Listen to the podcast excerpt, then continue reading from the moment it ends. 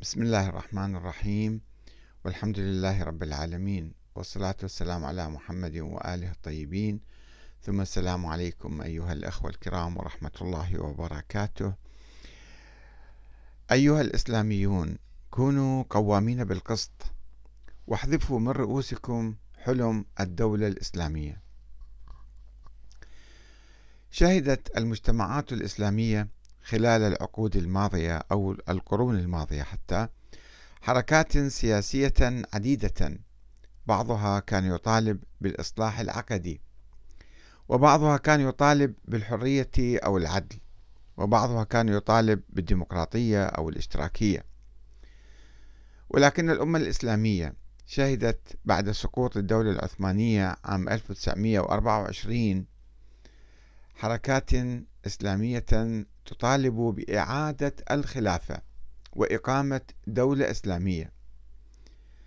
وبعض هذه الحركات كحزب التحرير مثلا علق كل عمل إصلاحي على إقامة الدولة أولا وعطل النشاطات الاجتماعية الجزئية كإقامة العدل أو الحرية أو الإصلاح الثقافي والفكري انتظارا لتحقيق الهدف الأكبر. اللي هو الدولة الإسلامية أو الخلافة. بينما ذهب قسم آخر من الحركات الإسلامية يعني أقصد التي تع... التي تنادي بإعادة الخلافة وإقامة الدولة الإسلامية ذهب قسم من هذه الحركات إلى ممارسة الأعمال الجزئية الإصلاحية تمهيدا لتحقيق الهدف الأكبر ولم يجد تناقضا بين الانغماس في الأهداف الصغرى قبل الوصول إلى الهدف الأكبر مثل الإخوان المسلمين وغيرهم. وقد تفضل أحد الأخوة من الأعضاء السابقين في حزب التحرير بنشر دراسة نقدية لما يبدو أنها موجهة لاستراتيجية حزب التحرير الإسلامي المعروف بتبنيه التركيز على إقامة الدولة الإسلامية أو دولة الخلافة أولا. ونشر ذلك الأخ الحلقة الأخيرة السابعة من دراسته في صفحته على الفيسبوك بعنوان الأزمة وسيناريوهات الحل وطلب التعليق عليها. وإذا كان لابد لي من تعليق سريع فإني أقول بأن أكبر خطأ وقعت فيه تلك الحركات الإسلامية الساعية لإعادة الخلافة أو إقامة الدولة الإسلامية هو إيمانها بوجود دولة إسلامية في الإسلام. إيمانها بوجود دولة إسلامية في الإسلام. وشعورها بأن تلك الدولة تمثل جنة الله في الأرض التي سيحل الوصول إليها جميع مشاكل الأمة الإسلامية. وأن تلك الدولة ستبقى مستمرة للأبد. وتتحدى الأعداء الداخليين والخارجيين. وتغفل تلك الحركات الإسلامية بين قوسين عن طبيعة الناس في المجتمع الإسلامي وغير الإسلامي وعن الصراع الدائم بين الخير والشر والإيمان والكفر والمؤمنين والمنافقين والكفار وعن احتمالات الردة والانقلاب على مختلف المستويات حتى في داخل الدولة الإسلامية. وبالتالي استحالة إقامة نظام إسلامي دائم يخلو من الكفر والنفاق والفسق والظلم والسرقة والخيانة والردة بين أعضائه وبين أفراد المجتمع حتى أيضا. وبالتالي فإن هدف إقامة الخلافة أو الدولة الإسلامية التي ستحل جميع مشاكلنا يبقى حلما ورديا مثاليا ولكن مستحيلا. وتكفي قراءة موضوعية لتاريخ المسلمين منذ وفاة رسول الله صلى الله عليه وآله وسلم وربما حتى قبل الوفاة أيضا. هذه القراءة الموضوعية تكشف لنا وجود الصراع الدائم بين المؤمنين والمنافقين والمسلمين والكفار وهو ما أدى إلى سقوط تجربة الخلافة الراشدة والأمة الإسلامية في الفتنة الكبرى بعد ربع قرن تقريبا آه، والمستمرة إلى اليوم. هل يعني ذلك أن نيأس ونجلس في بيوتنا ولا نعمل شيئا؟ بالطبع لا وإنما علينا أن نحذف من رؤوسنا حلم الدولة الإسلامية المثالي الخيالي. ونعمل على تطوير المجتمع فكريا وثقافيا واخلاقيا وسياسيا واقتصاديا وعسكريا وعلميا. أي نعمل على مكافحة الظلم والفقر والجهل والاستبداد في جميع المستويات في المجتمع وفي كل وقت. وذلك تطبيقا لقول الله تعالى ولتكن منكم أمة يدعون إلى الخير ويأمرون بالمعروف وينهون وينهون عن المنكر وأولئك هم المفلحون. آل عمران 104 والمؤمنون والمؤمنات بعضهم أولياء بعض يأمرون بالمعروف وينهون عن المنكر ويقيمون الصلاة ويأتون الزكاة ويطيعون الله ورسوله. أولئك سيرحمهم الله. إن الله عزيز حكيم. يا أيها الذين آمنوا كونوا قوامين بالقسط شهداء لله ولو على أنفسكم أو الوالدين والأقربين. يا أيها الذين آمنوا كونوا قوامين شهداء لله شهداء بالقسط ولا يجرمنكم شنآن قوم على أن لا تعدلوا. اعدلوا هو أقرب للتقوى. واتقوا الله إن الله خبير بما تعملون. قل ربي أمر بالقسط وأقيموا وجوهكم عند كل مسجد وادعوه مخلصين له الدين كما بدأكم تعودون. ويا قوم أوفوا المكيال والميزان بالقسط ولا تبخسوا الناس أشياءهم ولا تعثوا في الأرض مفسدين. لقد أرسلنا رسلنا بالبينات وأنزلنا معهم الكتاب والميزان ليقوم الناس بالقسط وأنزلنا الحديد فيه بأس شديد ومنافع للناس وليعلم الله من ينصره ورسله بالغيب إن الله قوي عزيز. وأخيرا ليس البر أن تولوا وجوهكم قبل المشرق والمغرب.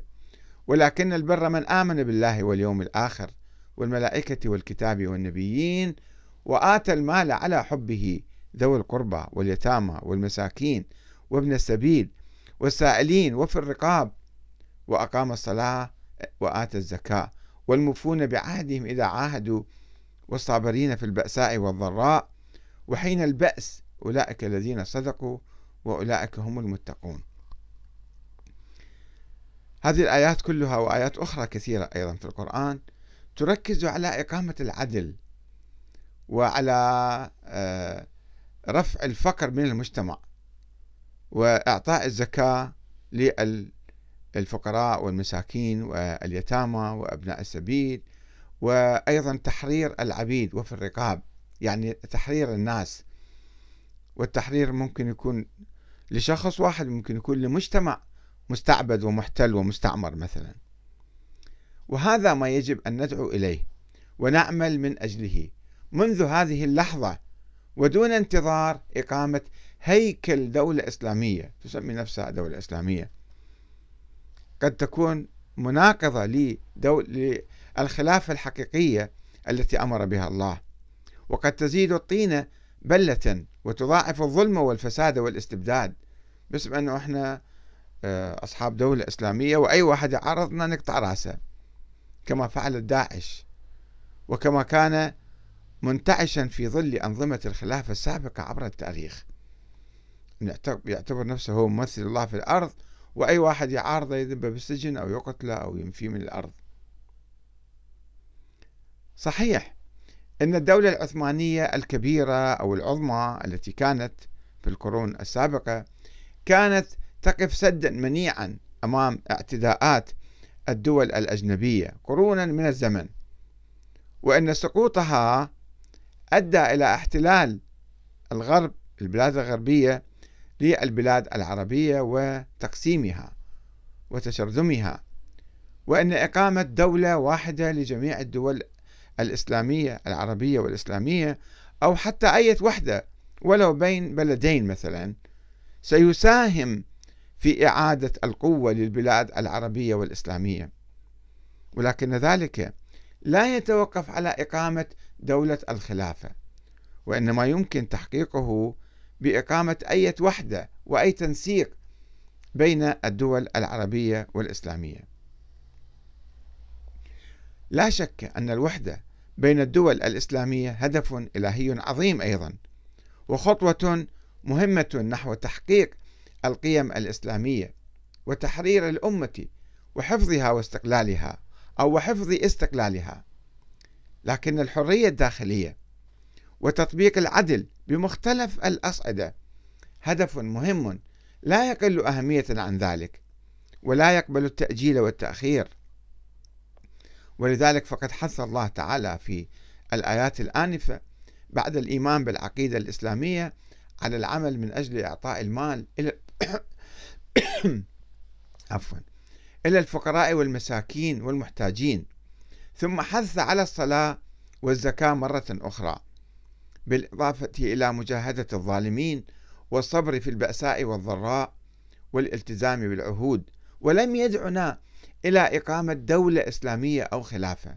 لا يوجد ذلك في القرآن أبدا.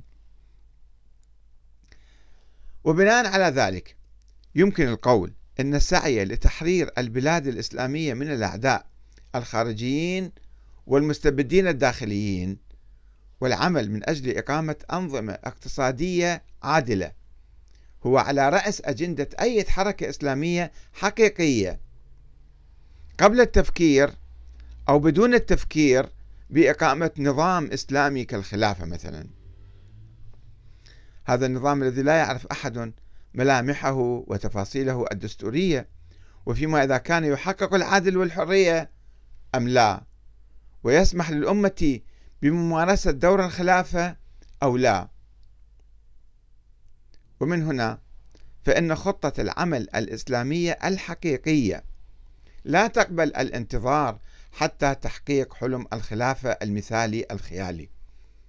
وإنما تبدأ من التعرف على الظلم والفساد في المجتمع.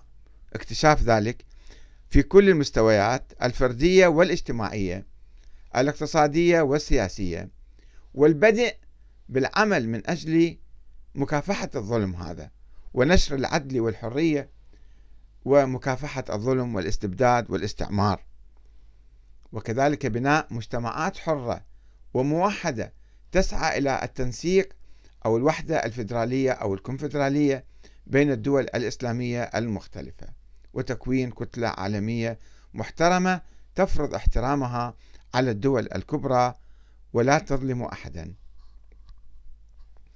وأرجو أن يسمح لي كاتب الدراسة النقدية بالقول إنه لا يزال متأثرا باستراتيجية حزب التحرير نوعا ما وخصوصا بملاحظته الأخيرة الثامنة من الحلقة السابعة وهي دعوته إلى تجنب المواجهة المبكرة مع الأنظمة وقوله على الحركة الإسلام على الحركة أن لا تضع نفسها في مواجهة الأنظمة مباشرة وعليها أن تجد حلولا مبتكرة للترخيص والعمل الميداني العلني الذي يسمح لها بنشر فكرتها دون أن يكون عليها ضغط يؤدي لقسم ظهرها ما هي هذه الفكرة؟ حيث لا أجد أي معنى أو لم أفهم ما هي الفكرة التي ينبغي نشرها والعمل من أجلها. في الوقت الذي يجب على الحركة أن تتجنب مواجهة الأنظمة مثلا كما يقول الأخ. فإذا كانت تلك الأنظمة عميلة وخائنة وظالمة وفاسدة يجب على أي مسلم يؤمن بتعاليم الله أن يعمل من أجل مكافحة الظلم والفساد ويحرر البلاد من الظلمة والمستبدين والمحتلين والمستعمرين وعملائهم الخونة. ولا ينتظر حتى إقامة دولة الخلافة المثالية الخيالية. وإلا يكون موقفه هذا هروبا من تطبيق أحكام الله بحجة السعي بعيد المدى لإقامة أحكام الله عبر دولة الخلافة. والسلام عليكم ورحمة الله وبركاته. أحمد الكاتب في 13 واحد 2021